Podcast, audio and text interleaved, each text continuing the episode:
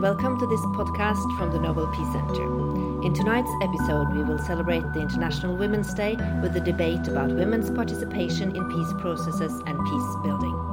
Our guests in the panel are Julie Samira Fajardo, Advocacy Officer in FOKUS Colombia, Laura Mitchell, who is Senior Advisor at NOREF, Hanna Helene Syse from the Norwegian Ministry of Defense, and Bård Ludvig Thorheim, Political Advisor in the Norwegian Ministry of Foreign Affairs.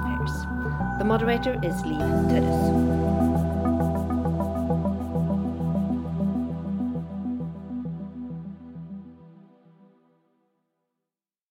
Eh, gratulerer med dagen. Happy International Women's Day. There is no translation to that to Spanish for that. There is no happy Women's Day in Spanish. I don't. It's it's a struggle day, not a happy day. But uh, because I, I thought I was going to I introduce three languages, but uh, but this is a struggle day. My, uh, on behalf of the Minister of Foreign Affairs, uh, the Nobel Peace Center, and uh, FOKUS Forum for Women and Development, I, it's a pleasure for me to intro, to welcome you to this commemoration, our commemoration of the International Women's Day. My name is Carolina Mayra Johansen. I work in FOKUS, and uh, my responsibilities there is Colombia. Today is necessary to remember those thousands of women struggling in each corner of the world for change, freedom, peace, and against violence and discrimination because they do make a difference. It is also time to reflect on process and progress made, but also how far we still have to struggle to get where we need to be and uh, to get equal and inclusive societies for women and girls. No women, no peace. This is the invitation today. And all should know about, about now, you know, it's that the, without women participating in peace processes and peace building, there will not be lasting peace.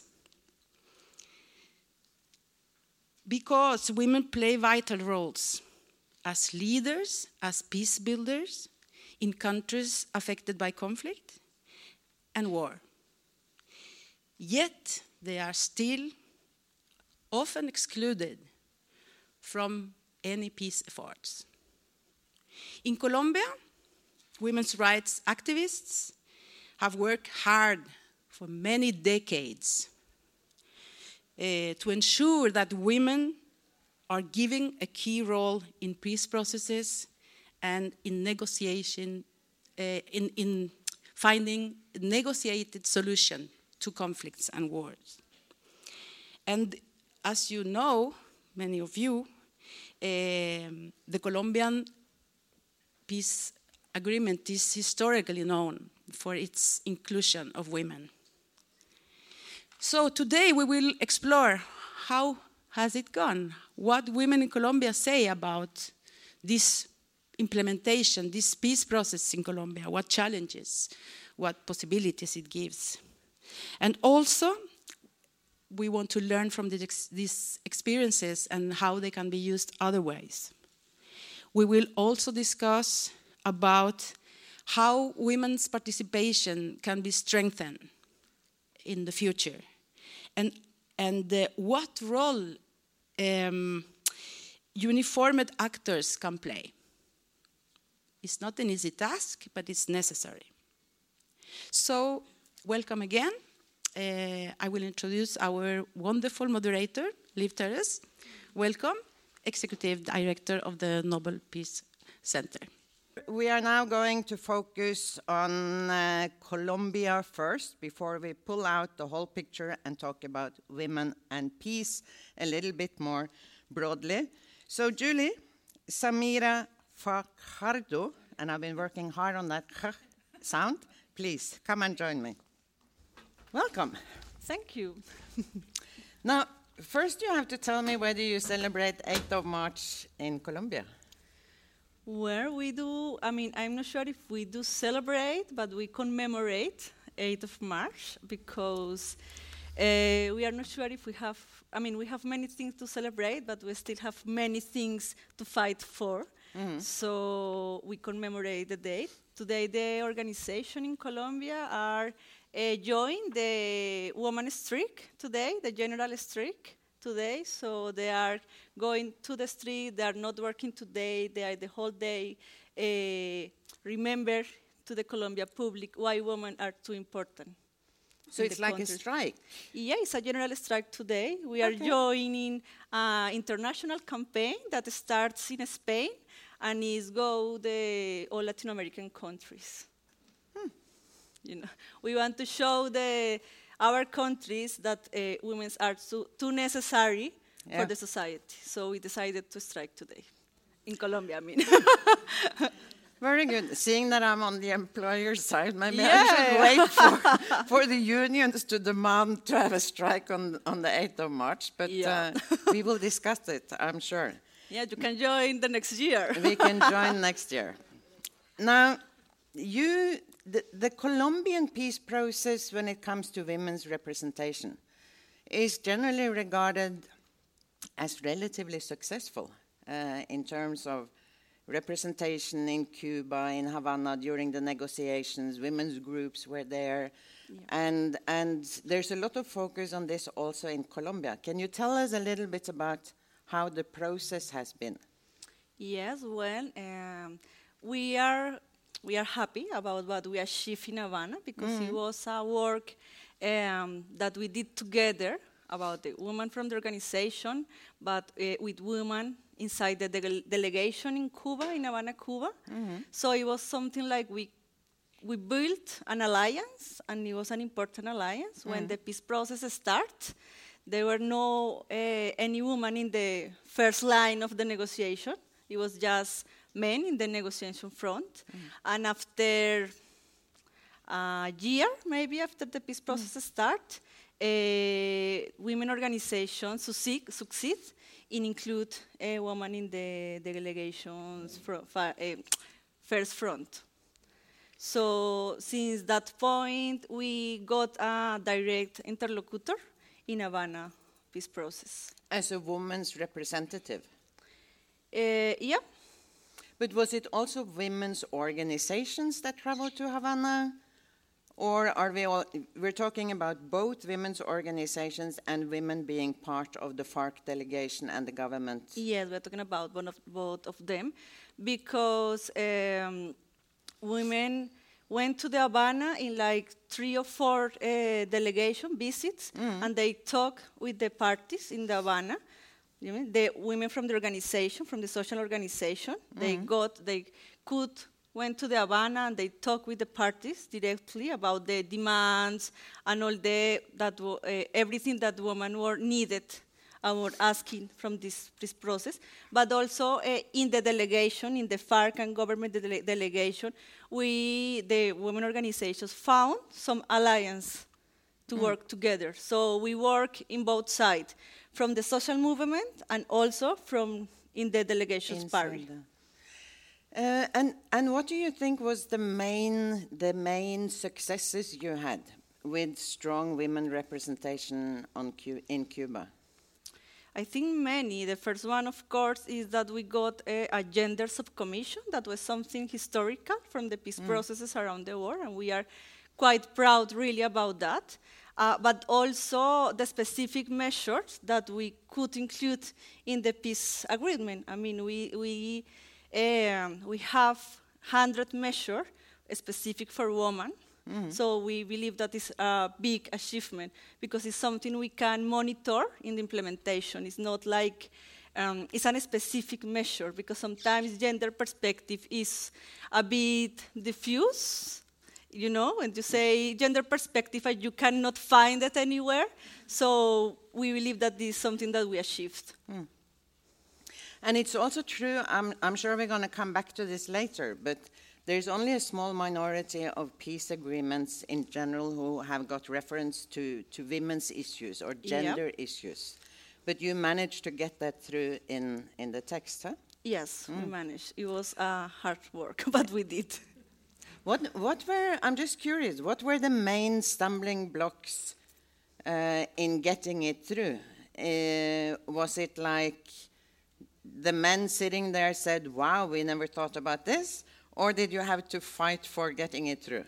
Yes, we, we fought for getting it through. I mean, in the beginning of the peace process, uh, they didn't talk about women issues or about the special, the differential effect that the conflict armed has in the life of women. Mm-hmm. So it was uh, with the time, you know, we start to say, come on, we need to talk about what happened with women in the conflict. We need to talk about sexual violence. We need to talk about, and they were open and open a little bit with the time. And the end, they, some of them said, okay, yes, that's true. We cannot ignore what happened with women, so we need to talk about that. But it wasn't easy. It, wasn't, mm. it was not easy for the women's movement, but it was not easy either for the women in the FARC and government delegation. Do you think maybe the fact that you were both women organizations as well as women within the delegations who could form an alliance was part of the reason why you succeeded? Yes, it, it is a reason.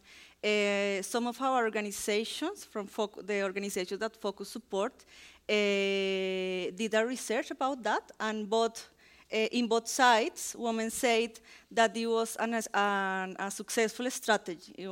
We think this is a strategy that uh, may be implemented in other processes because it worked. And just uh, maybe if you can tell us a little bit more also about the relationship to the uniformed sector, uh, civilians, uniform. How, how much has that been an issue in, in the process and the negotiations in Colombia? That uh, there were a lot of women victims who had issues against military, militia groups, FARC, etc., paramilitaries, yep. not the least. What has that done to, yeah, how much of an issue was that in Cuba, and what has that done to the trust to, to uniforms afterwards? Well, we think that is a quite difficult issue because, of course, as you say, there are many different armed actors that played a complicated role in Colombia, include the public forces. Mm. So it is, I mean, we think that now there is quite, there is no trust between uh, social, social uh, between the social organization mm. and the uniform actors. And we need it is possible to rebuild this trust, mm. but it's something that we need to talk uh, openly in the country. For now, this is, is quite difficult, really, because we say, okay, uh, FARC already left weapons, so this is an important step but we also need that the public forces uh, rethink the way they are going to work now, because we think that it's not possible that in the post-conflict uh, the public forces uh, works in the same way that they did before, you know, because we were in more than 50-year conflict, so the public forces uh, had a specific way of working. Mm. Now, if we are moving to the peace, they cannot do it in the same way. So we need to talk about that in Colombia, how they are gonna um, reorganize the public forces in order to gain the trust with the social uh, organizations and with women, because there are a lot of sexual crimes also that were mm. committed with all of these parties from public forces, paramilitaries, and guerrillas. So we need also to talk about these specific crimes in order to gain trust. But are they open for that discussion? Are they open for reorganizing? Do they see that they need to do that? Because, I mean, surely there, internationally at least, we see that the moment the peace agreement is signed, a lot of people think now we've finished. Now we can go back to do what we did before. We are starting now. Yeah. I mean, yes, because everything is about to be done after you sign an agreement. I mean, I think it's not easy to say if they are completely open about this discussion, but at least uh, there are some people that are start to talk about inside the, the public forces. I mean, there is some uh, specific structure inside that are talking about this. Mm. Uh, we also think that reorganize the, the public force, for example, also needs to come with a compromise uh, with justice and with truth. So we are also waiting, and women are waiting, that the military sector, the police sector, um, go through the special peace tribunal, you know, for the justice, and also that uh, they contribute to the Truth Commission. So these two aspects are also important in order to contribute to the trust. And then when you see now what is happening uh, in Colombia now, there's uh, election campaign. Yes, this weekend we are we are running the legislative, the Congress election, and in two months we are running the presidential election. And there are strong forces who are not particularly keen on the peace process, and there's a lot of stumbling blocks when it comes to the, the relationship between the government and FARC and between and other forces in parliament, etc., and between other groups like ELN and, and the government, who, where there's still no peace agreement, to put it like that. What hope do you have for for this process to go forward and protecting women's interests in the process? Where about the, the, the elections, I think we, we need to say that we are worried because it's not just about some candidates uh, has an openly discourse against peace. I mean, because they some some of them say like we are not going to implement the peace agreement, we are not going to keep uh, continue the ELN process. That is an important process to us. We need to reach peace with them also. Uh, but the, some of the candidates also are um, using this discourse against women and LGBT people rights, the same that was used uh, in the referendum campaign. Some people use the gender perspective of the peace agreement against the peace, and they are using it against uh, the peace once again in these elections. So we are worried because we are not just Eh, in risk of lo- or lose the peace, I mean the peace agreement, but we are also in risk of lose our rights, the right that we were guaranteed before the peace agreement. So, but just before we invite the others in, what does this mean in practice? Does it mean that the argument, according to, to the opposition to the peace process, basically says that if we pursue this process of peace, our family structures are going to be destroyed, our religion is going to be destroyed? because of the is gender perspective. And also, they say, for example, that when you include uh, the LGBT people rights, you are promoting that everyone needs to be homosexual or gay or lesbian. So these discourse are using against the peace because it is included in the peace agreement. So there is a lot of things that are now in risk with these elections. And I then need to ask you a last question, uh, so we can we can end this part of the session on a sort of small optimistic tone. Do you manage to mobilize support and and and power and and energy among the women's organizations to defend all of this? Yes, we are. Uh, I mean, we are all together. We are uh, in everywhere. There are women organizations. Now we are talking about that uh, gender equality is not against the peace. It is. It contributes to a better peace, to a more uh, complete peace. So we are. I mean, I know that uh, maybe we are worried, but we are also working every day hard. I mean, we don't we don't lose our hope. We are um working every day for for implement the peace agreement and for make uh, peace real for Colombia and for all the women. We keep on working for this. March 8th every day. Yep, every day. Very good. Let me invite three others up on, on stage. We have Bård Ludvig Thorheim, political advisor to the Minister of Foreign Affairs. Uh, Laura Mitchell, uh, senior advisor to the Norwegian Center for Conflict Resolution. And Hanna Helene Syse, who is working for the Ministry of Defense actually start by asking you, Hanna. You've been following this work on a political level from Norway, But with Resolution 1325, as an expert you've become uh, on the resolution and the issues and the challenges and the stumbling blocks over now many years. When you hear Julie speaking about uh, the Colombian process, do you recognize the issues? Do you recognize the energy? Um, Um, I, I think it's it's a unique process, and I think it's very difficult to compare Norway and my- the Norwegian experience and the Colombian.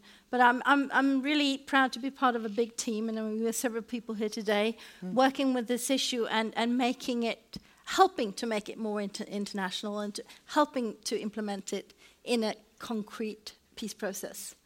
Um, being a part of the military, I can uh, certainly relate to the military, civilian military dilemmas that you address. So I, I, I recognize that. We've also had Norwegian uh, officers going to Colombia and speaking to Colombian military about uh, what it's like to be a, a, a woman in the military uh, and also the, the bigger issues like the, the female FARC guerrillas and how you uh, re socialize them, reintegrate them, and possibly even uh, commission them into the regular forces. Uh, so uh, th- that's a very interesting contribution that we've had. But I am, uh, apart from that, I think it's, it's, I mean, two very different uh, starting points, Norway and, and Colombia. So, Now, Bård, there's a lot of close links, of course, between Colombia and Norway that have developed over the years. I'm not going to ask you to give sort of the, the Colombian analysis here, but you have an action plan on women, peace, and security, which is quite important and also signals a broader commitment to the issues that we are talking about here.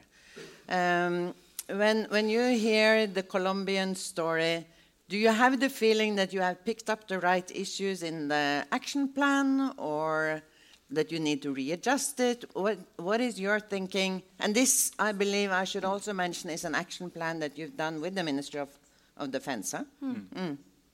Please, Bård, tell us a little bit about what you are working with and your focus. So, if I may first, just a couple of comments to because there, uh, a lot of very interesting and good things have been said already.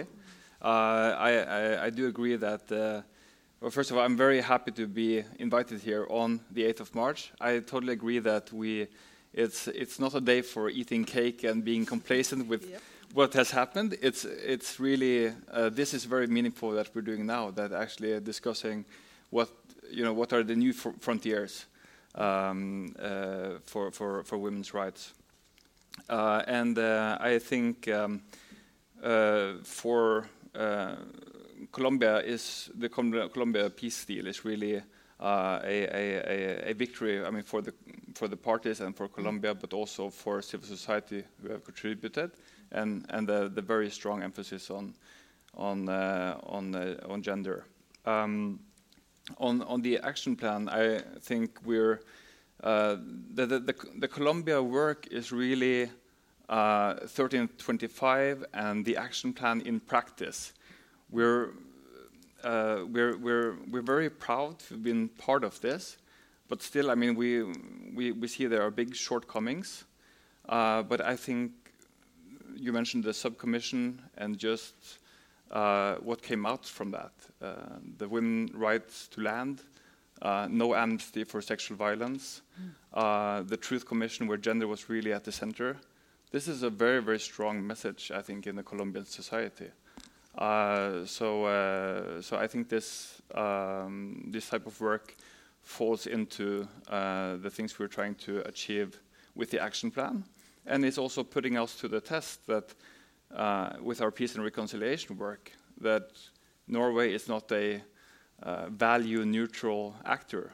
Uh, we carry with us uh, the, the things that uh, that we stand for and that we put in the action plan, and we have to show that in in practice. Laura, uh, you've seen a lot of the issues behind. I mean, we are basically now taking two steps back Uh, and addressing the, the, the question as to why do we need an action plan? Why do we need to address sort of gender as a separate issue in peace agreements, in follow-up plans and work, etc.?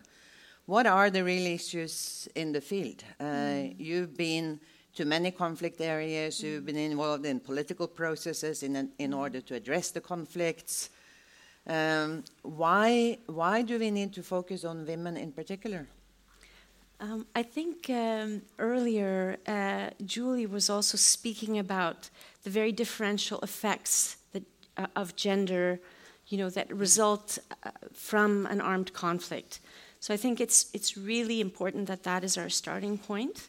Um, my starting point in coming to this is to say that we have, you know, a long historical trajectory where peace processes and agreements have really, for decades, been failing women, um, and actually really many people in the society. I mean, we know historically they've been often very elite deals. Um, so uh, we also know that we need to think through women are and men have this differential they suffer in different ways they experience conflict in different ways and also they experience the reconstruction in different ways and so um, i really um, you know, uh, hail. And I know we're, this is a day of struggle, but I do also want to really recognize that um, even though I know that there are always challenges in implementation of every peace agreement in every country, that this, these peace agreements in Colombia truly, truly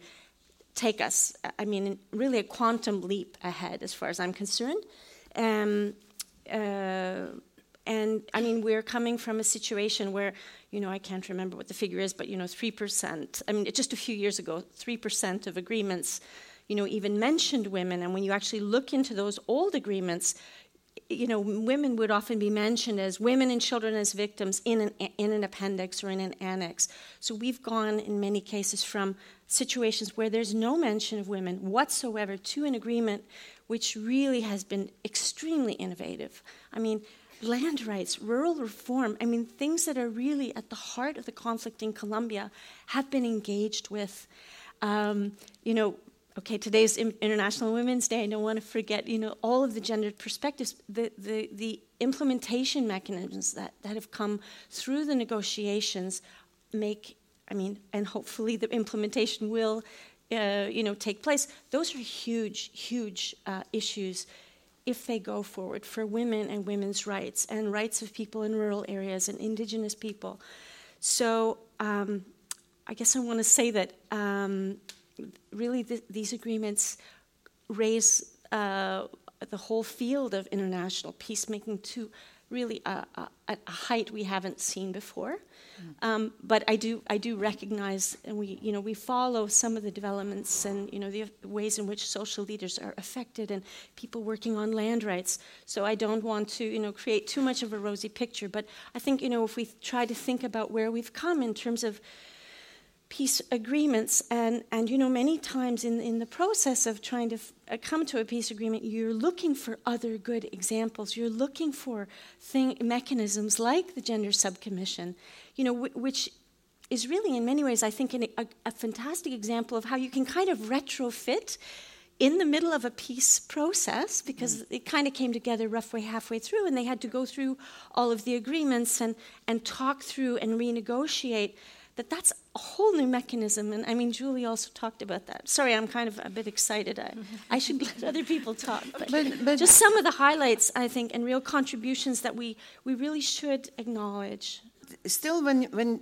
you gather all this, when we gather all these statistics together, uh, there's a minority of peace negotiators that are women. Under a third of the agreements refer to women. Since 2000, uh, the UN Security Council has done. Uh, Hanna was saying earlier that it's better that they made eight resolutions because then at least we keep the awareness up, and that's of course a good point.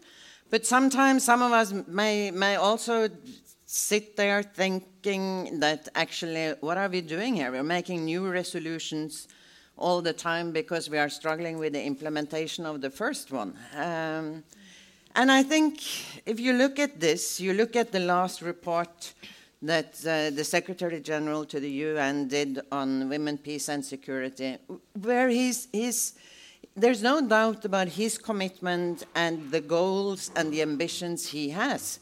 But the one figure after the other is underlining the lack of progress, uh, the lack of women in delegations, uh, the, the reduction in, in delegations and countries and conflicting parties that are actually asking for advice. So I guess the question is what, what progress have we had over the and before I, I, get to you, who can now address this with the action plan in the back of, our, uh, of your heads, Laura, maybe you can just say what do you see? Do you see a difference on the ground in the field? Um, progress in terms of, I mean, I, I, I, think, you know, when we say gender in 1325, I think increasingly people and institutions feel an obligation to like they can't just easily avoid this. Uh, I mean, internationally, I mean, I think there's uh, there's a, a, a, gradual normative change that's been happening over time. Um, uh, but you know, in terms of on the ground, I think in many countries women. Uh, have a much better understanding of their rights. Uh, not that they haven't had it before, but in terms of also a right to uh, comment and, and come uh, with their perspectives related to their security concerns. I think mm. we need to be better about that. I think these transitions need to be better about that. Um, um, yeah, I mean that's a it's a huge question. I'm still kind of no, but awareness is is a awareness. good mm. point in itself. Uh, July first, and then yes, Hanna. Yes, maybe I'm going to help Laura with the question. I think maybe it's not many big changes with the resolutions, but I think, for example, in Colombia, women organization use the, this instrument in order to ask for the participation in the peace process.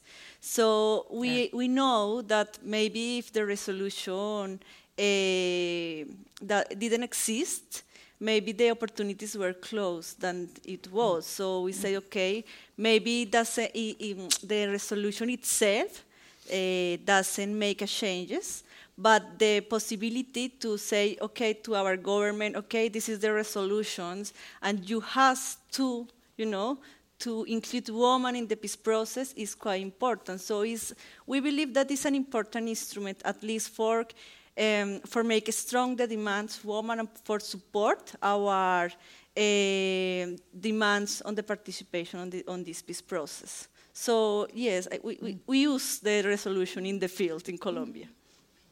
That's a good point. Mm. Hanna? Well, I can speak uh, from a military, uh, from the military sector.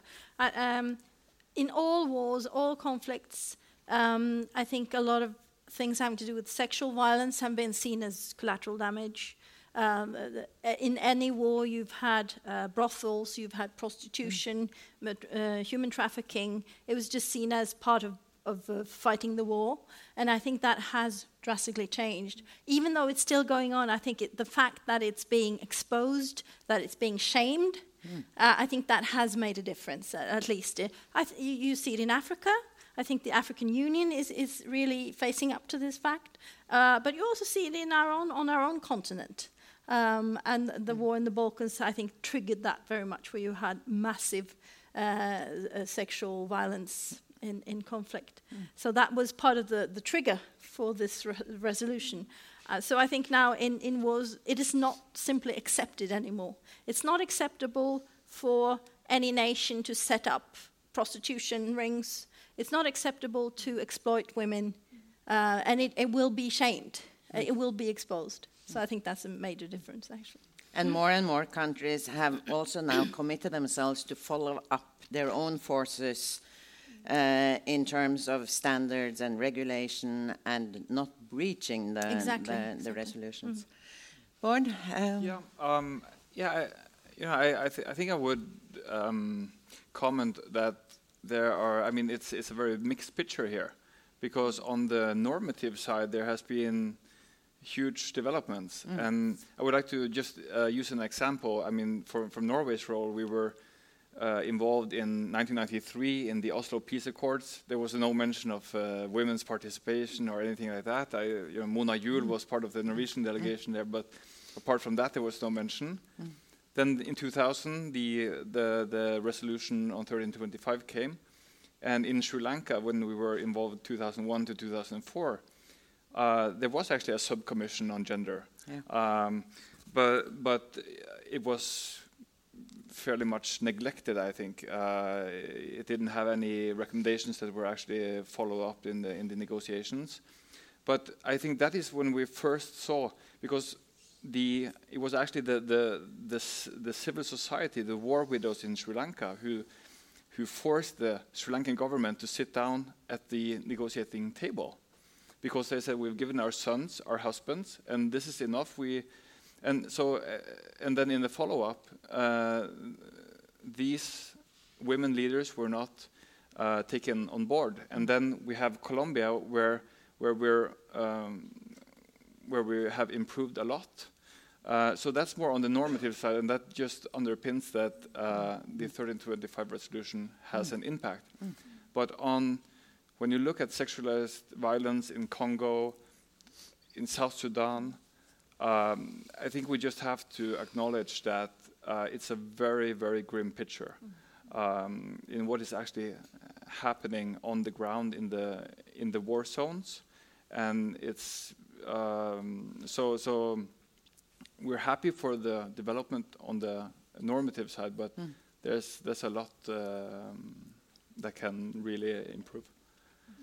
But but I think you are right, and I think even from uh, in the sense that the normative pressure is is important in itself. Uh, and I can even remember from my years in the humanitarian sector, where in the beginning uh, I relatively often heard from people around in various countries and conflict zones that uh, women's rights may be universal. This is how it went, but it doesn't. They don't apply for our country. Uh, now, very few, even in the conflict zones where you see the the most atrocities, will say that loud. Uh, so the pressure has been growing, and uh, the shaming has been has been growing. But now we had we had a, an interesting sort of small discussion before we, we came in here to your information about how is it smart to integrate women's issues in the peace process or should we have separate women's committees etc and I thought your story from Havana, July, was, was really fascinating about building the alliance across women's organizations and delegations. And I've heard women who, who were part of the negotiations as well in the delegations have argued that they made contact across yes. uh, government FARC lines to, to build alliances mm -hmm. around the same issues. Now, are you addressing issues like that in your action plan as well, Bård? Uh, how it should be organized? What are like best examples? Um, I'm. Uh, let's see. I think it's uh, in the action plan. It's uh, about uh, participation. Mm. Uh, so in that in that regard, definitely. but I think um, on the on the organization um, uh, on, on the organization of the of the of the talks you mean in Havana or? No, I'm just wondering about this issue of sort of best examples on how to to get results. Uh, this. Uh, it seems from the Colombian case that having women inside the delegation was crucial, mm -hmm. but also having them operating with women's organizations from, from outside. So how it is mm. organized is an issue. Mm. Yeah, okay, yeah, I, I understand the, the question. It's, um, I, uh, and I, I think uh, others here are more knowledgeable uh, about it um, as well, but I think uh, uh, one thing we acknowledged during the, the, the, the, secret talks in the Colombia uh, mm. process was that we had not have had enough female participants in the talks, mm. uh, and, and, and, and that was uh, and that we uh, included more in the delegations after 2012, 2013. Uh, but the, the, the input from civil society is absolutely crucial, uh, both as um, kind of advocates and, and, and pressuring the, the, the, talks to go in that uh, direction, but I mm. think also as uh, direct uh, uh, participation. And the best example, I think, uh, is from Syria now, where we have facilitated that we actually have that we have women leaders from Syria who have participated, who have uh, had access directly to uh, the, the, delegations in Syria, the, uh, who are um, who are negotiating, and mm. also to Staffan uh, de Mistura to directly uh, conf confront them with uh, with their views. Um, yeah. Good, Hanna. Yeah, well, I, I, could just add that again from the military, military perspective. I think our job then is to create a secure, safe environment where women can leave their house mm. and join in and uh, you know not risk their own lives simply to to uh, go to a meeting or or to be part of a process so uh, you know to have this sort of safe and secure environment i think is part of our job then uh, to make sure that this actually happens because it, it comes down to the very you know everyday life of people and whether they're threatened or not. Um, it's, it's, it's a rough environment for, for those women sticking their heads out mm. um, very often. So, um, so that's part of our job. Mm. July, what do you think uh, the world can learn from the Colombian process and for, for the Ministry of Defense and Foreign Affairs to, to sort of take with them in the next edition of the action plan? Well, I think there's many things to learn from the Colombia process. I think uh, one important thing is that you need to to include the victims in the peace process from the beginning. That's really important because sometimes peace process are just focused on the delegation, the guerrillas in this case, and the government, and they're forgot about uh, all the victims around and the, and the society around. So we think that it is important that always when you think in peace process, you need to think in the victims and the society since the beginning. So we think it's, uh, it's important. Also, it's important to keep uh, the pressure on the governments about the importance of women participation. We recognize in Colombia that, for example, the role that play the Norwegian delegation in help women in this pressure was crucial. I mean, because this gov- I mean, the delegation was all the time asking the parties, where are women, where are women, when we are not talking about women's rights. So this role was really important, I mean, in the, in the gender subcommission. Also, we think that it's important to remember that it's not just about what is happening in the table in the negotiation, but uh, the governments and the other sectors that are um, supporting the peace need to think about uh, what is happening in the rest of the society because we were so focused in Havana and we forgot that the society was quite uh, distant from the process. So then we had a surprise with the referendum when people say no to the peace process because we were all focused in the Havana and what was happening there. So also, I think it's important to learn that um, a peace process involves the whole society. You cannot just Laura, I'm tempted to, uh, to ask you now. I mean, we see some of, well, we're struggling, all of us, I think, to find words to describe the conflicts we now have in Yemen, Syria, Iraq, uh, Sudan, South Sudan, etc. But if, if you should try uh, with that background in Afghanistan, um, to, to say a few words about the, the, the situation on the ground and the challenges uh, going forward. You said previously that there's now more awareness among mm-hmm. women about their rights, which is important in itself. But how can we get in those conflict settings to the point where they were in Havana, where there was real representation and issues where integrated into the to the to the process and the mm. negotiations. Mm. Yeah, um, I think uh, July, when she talked about you know the importance of supporting women's organizations, women's movements, where they may, if they're you know in some conflicts, we know that also social movements are sometimes in a very um, fragmented or almost decimated state, we need to find ways to continue to support those other actors because we know that armed conflict creates and comes out of a lot of polarization.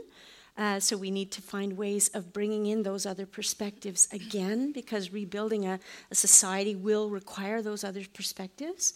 And I think also in different ways we've talked about the different ways in which actors inside and outside the process uh, sometimes are you know uh, supporting each other where, whether it's very directly or whether it's you know um, through different alliances. So i think we need to continue to do that. And i mm-hmm. think that um, like I, I, work in my position at NOREF also to support. We have a nordic and a norwegian women mediation uh, network where we also uh, try to support and work with and learn from other women mediators and support women's voices uh, you know in different capacities. So i think all those alliances um, are really important the learning from each other is really key we learn so much from and through the Colombia process and from and through other processes and we continue to learn and i think also one has to always look for those political openings where there's spaces where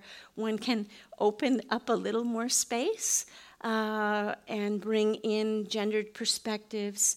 Um, uh, Bård mentioned the the Syria Civil Society support room work.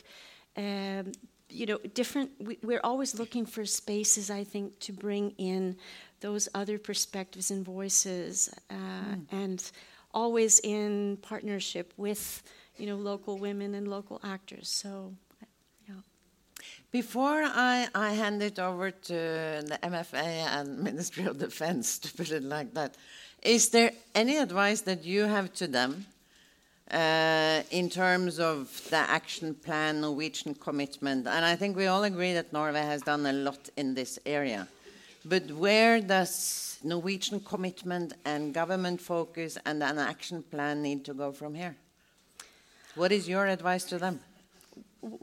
I think you know the continued need for support. I think 10 or 15 years ago, uh, there was more of an idea that one can negotiate an agreement and then, you know, on we go to the next. And I think there's uh, an ongoing commitment, and I think a very much a changed understanding that one needs to support the implementation and the ongoing process and women's organizations and human rights defenders. So, um, but, but, I'm quite confident that they hear that message and we're very much on the same page. So, yeah.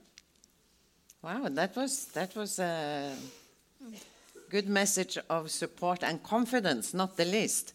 Seeing that I'm a little bit more blunt, I'm going to ask you directly.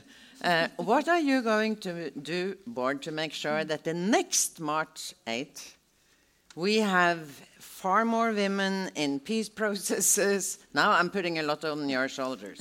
but more women in in in uh, delegations, more women's organizations represented. Uh, more delegations asking for gender uh, advice on gender issues, etc., etc.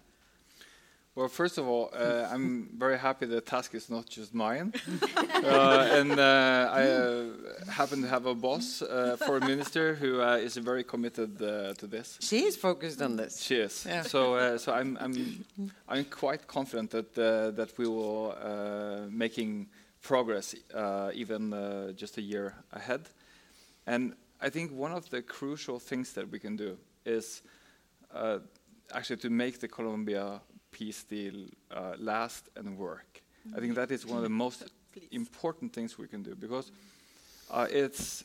I mean, there, there, are some studies now suggesting that if you have a more inclusive peace uh, agreement and and with women participation, that uh, it's uh, more likely to get a result and it's more.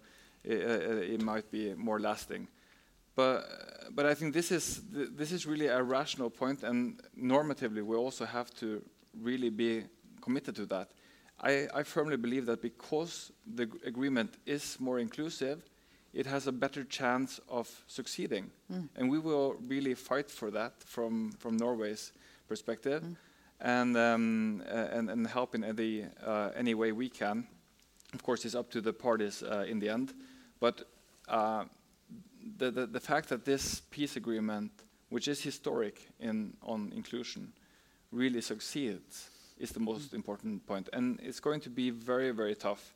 Uh, we see already now, and July has mentioned some of the challenges. There are so many post conflict challenges, um, uh, both related to, to, gender and other issues. But we just have to uh, support uh, as, uh, as good as we can and uh, try to see it through. You know, it, it, it strikes me regularly that you know, you see some sentences flowing past now and then that you think are very obvious when you hear them and see them the first time, but they are really uh, fairly substantial. Like Santos saying that making war is relatively easy, building peace is much more difficult, or that you know it's much easier to stop a war than than um, than before it starts than to to stop it afterwards, and. And I think, you know, following from what you are saying, investing in the more people actually have an interest in peace, making it inclusive, uh, seems like a crucial, crucial part of this, huh, Hanna? Mm. Yeah, I think what you're talking about is preventive measures. Mm. You know, preventing things from happening in the first place. Because, as you say, and this, all military people will know very well that once the conflict is has been started, it's very difficult to stop it. I mean, it takes on its own dynamic, and and mm. it goes from there. I mean, we've we've uh, had some painful experiences in uh, in our deployments, so we mm. know that very well. Mm. Um, but, but to sort of sum up what, what I think we can do um, Laura talked about opening up a little more space, and that's what this is all about. I think one of our challenges is, is we telling ourselves, oh, this is going to be so difficult. You know, everything's going in the right, wrong direction. We can't do this. And even more, well, you know, this is Norwegian values. Who are we to impose this on others? That's another thing that I hear. And I think it's, uh, we have to be very optimistic, even though there may not be a lot of cause for optimism. You always have to work, stay focused on, you know, keep your focus on the ball, keep it rolling. Um, you know, even if you ha- if you if you face uh, opposition. So I, uh, that's all I can say. Um, I think that what we were also seeing in, from a military perspective is this sort of spectrum of conflict merging so that you sometimes there's a kind of war sometimes there's a lack of peace there's a lack of war you know it's it's all blurred post conflict pre conflict so so seeing all these things uh, as a continuum rather than than different um, uh, different parts of the mm. of the continuum so uh, um, you know thinking uh, holistically i think and being optimistic and following from what you are mm. saying as well, with the Secretary, with Guterres' focus on prevention measures and trying to stop things uh, before they they uh, they develop into full-scale conflicts and wars, seem mm. to be a crucial part of this. And there, I'm sure you and the MFA in, in the ministry as well are are adding on with resources and investments, aren't you, Bård? Absolutely. Yeah. Uh, we're uh, I mean, yeah. Well, simply put, yes. I mean, we're we're putting a lot of resources uh, mm. into it. Very good. We have a few minutes if there are any questions from uh, the room. I'll try to stick to the topic. Uh, very, very happy that it is the topic. Um, I've been asking the same questions regularly to to similar panels, and it's uh, about the reintegration of female guerrillas in FARC, which you mentioned briefly.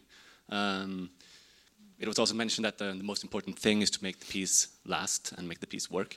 And we know that a crucial thing is the reintegration of former guerrillas. Um, Colombia is so special in that sense with the high, high numbers of women in FARC, which is very uh, different from a lot of other conflicts. We also know that from previous reintegration programs, those have not really taken into consideration that high share of women.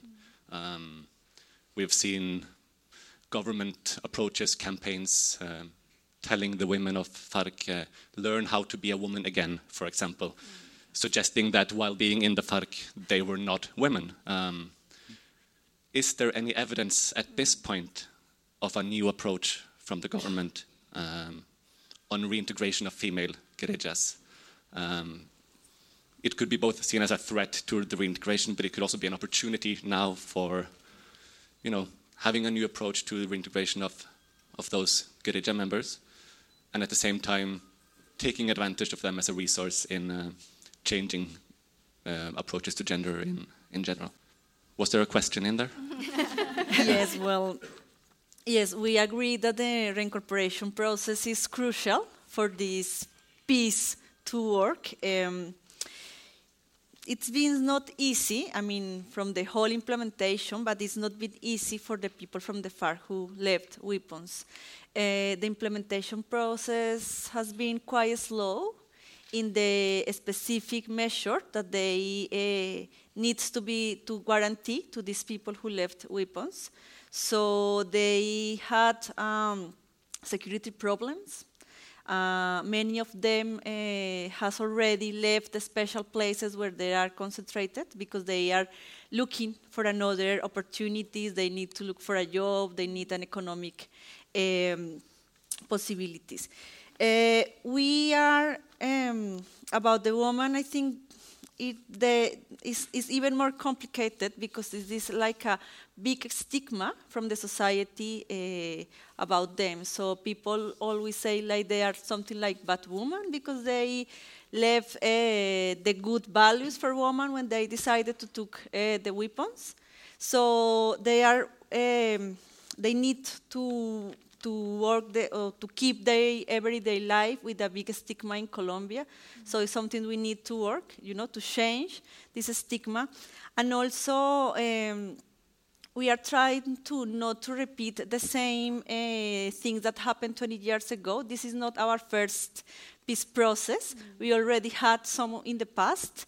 And what we learn from these processes is that if you don't think about women uh, reincorporation in a specific way, these women are going to go invisible in the in the political context. Mm. So they are uh, asking now for a political space. They want to share the mm. power in the political party with the with the men, you know, because they are they, they, they are all the time saying we have we have an experience, you know, of war maybe, uh, and we don't want to go home just to care about kids. We don't want to play a traditional role. We want to be part of the political uh, situation in Colombia.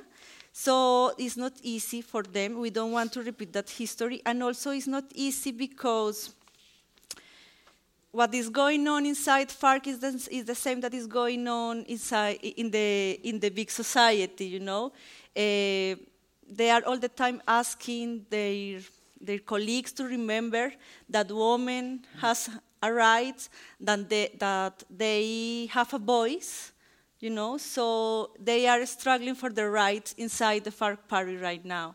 So they need to fight with the big society for not to have a stigma, but they are also fighting inside, right, inside FARC uh, for their rights.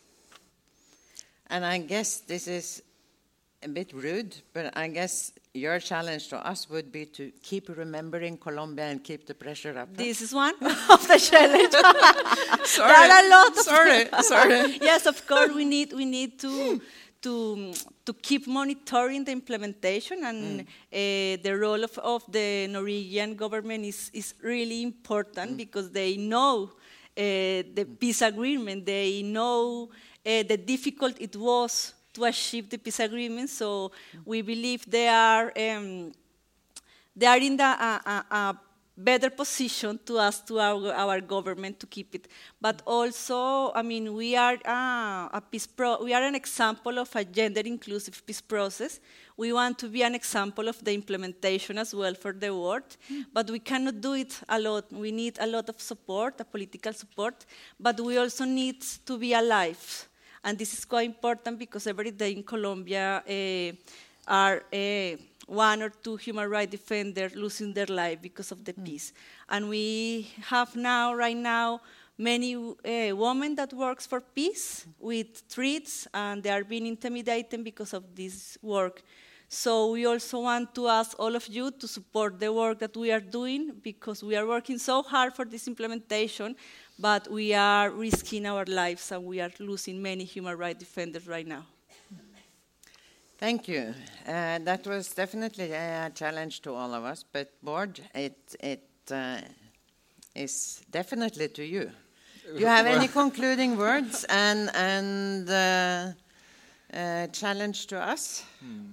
Well, uh, I think you know from from the government side, uh, we feel a, a, very very strong obligation to to um, to continue our work in Colombia. Mm. we're putting all the resources that are needed into that. We um, and there will also be some high-level visits later. Um, uh, so, so I, I uh, definitely feel that pressure, uh, and we will deliver on that. Uh, a challenge, I think, you know, there are some civil society um, from the civil society here. Uh, we mentioned already uh, the invaluable, invaluable contributions to some of the peace processes from civil society. you need to keep up that work.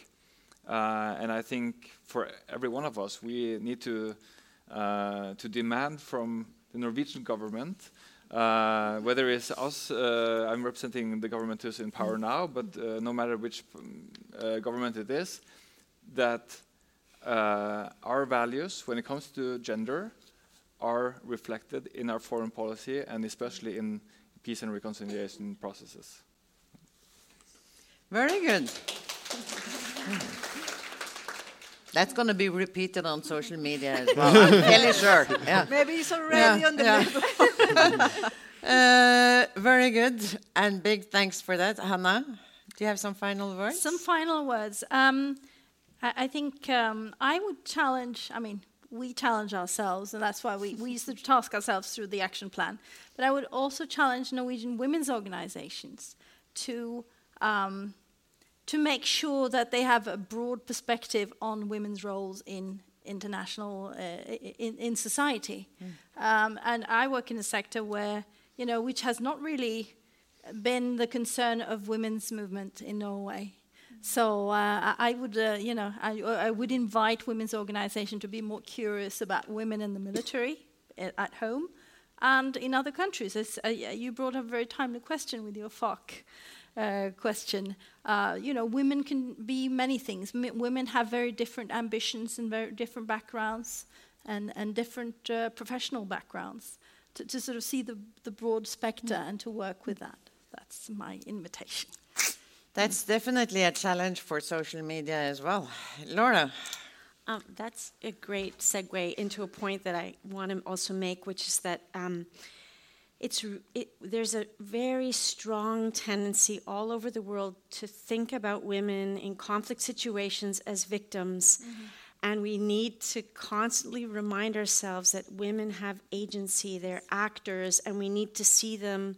Yes, they're, many times they are victims of the conflict, but we need to see them as political actors, as combatants, as economic actors. So women are, we know, constantly marginalized in reintegration processes because they're not even imagined or understood as combatants who need to also have support in that reintegration process. And I would argue that we also need to talk a lot about women as economic actors because we know that reconstruction processes that women are not usually in the in the policy um, makers' minds in many countries emerging from violent conflict. So there is very little role for them in the economic policy that often follows the political agreement. And that is, we're really doing a disservice uh, to women that way. So if, if there's something that we can take away from that, I would uh, say we need to think about, yeah, that conflict has gender differentiated effects, but so does every social policy. And we need to think through what does a gender differentiated reconstruction policy look like, or reintegration policy, and so on and so forth. So. Fantastic. And we have power if we use it right. And then I just need to say a big, big thanks to all four of you, to FOKUS and the Ministry of Foreign Affairs for helping us doing this together, uh, setting it up together. And I think we should give them a big applaud. And we have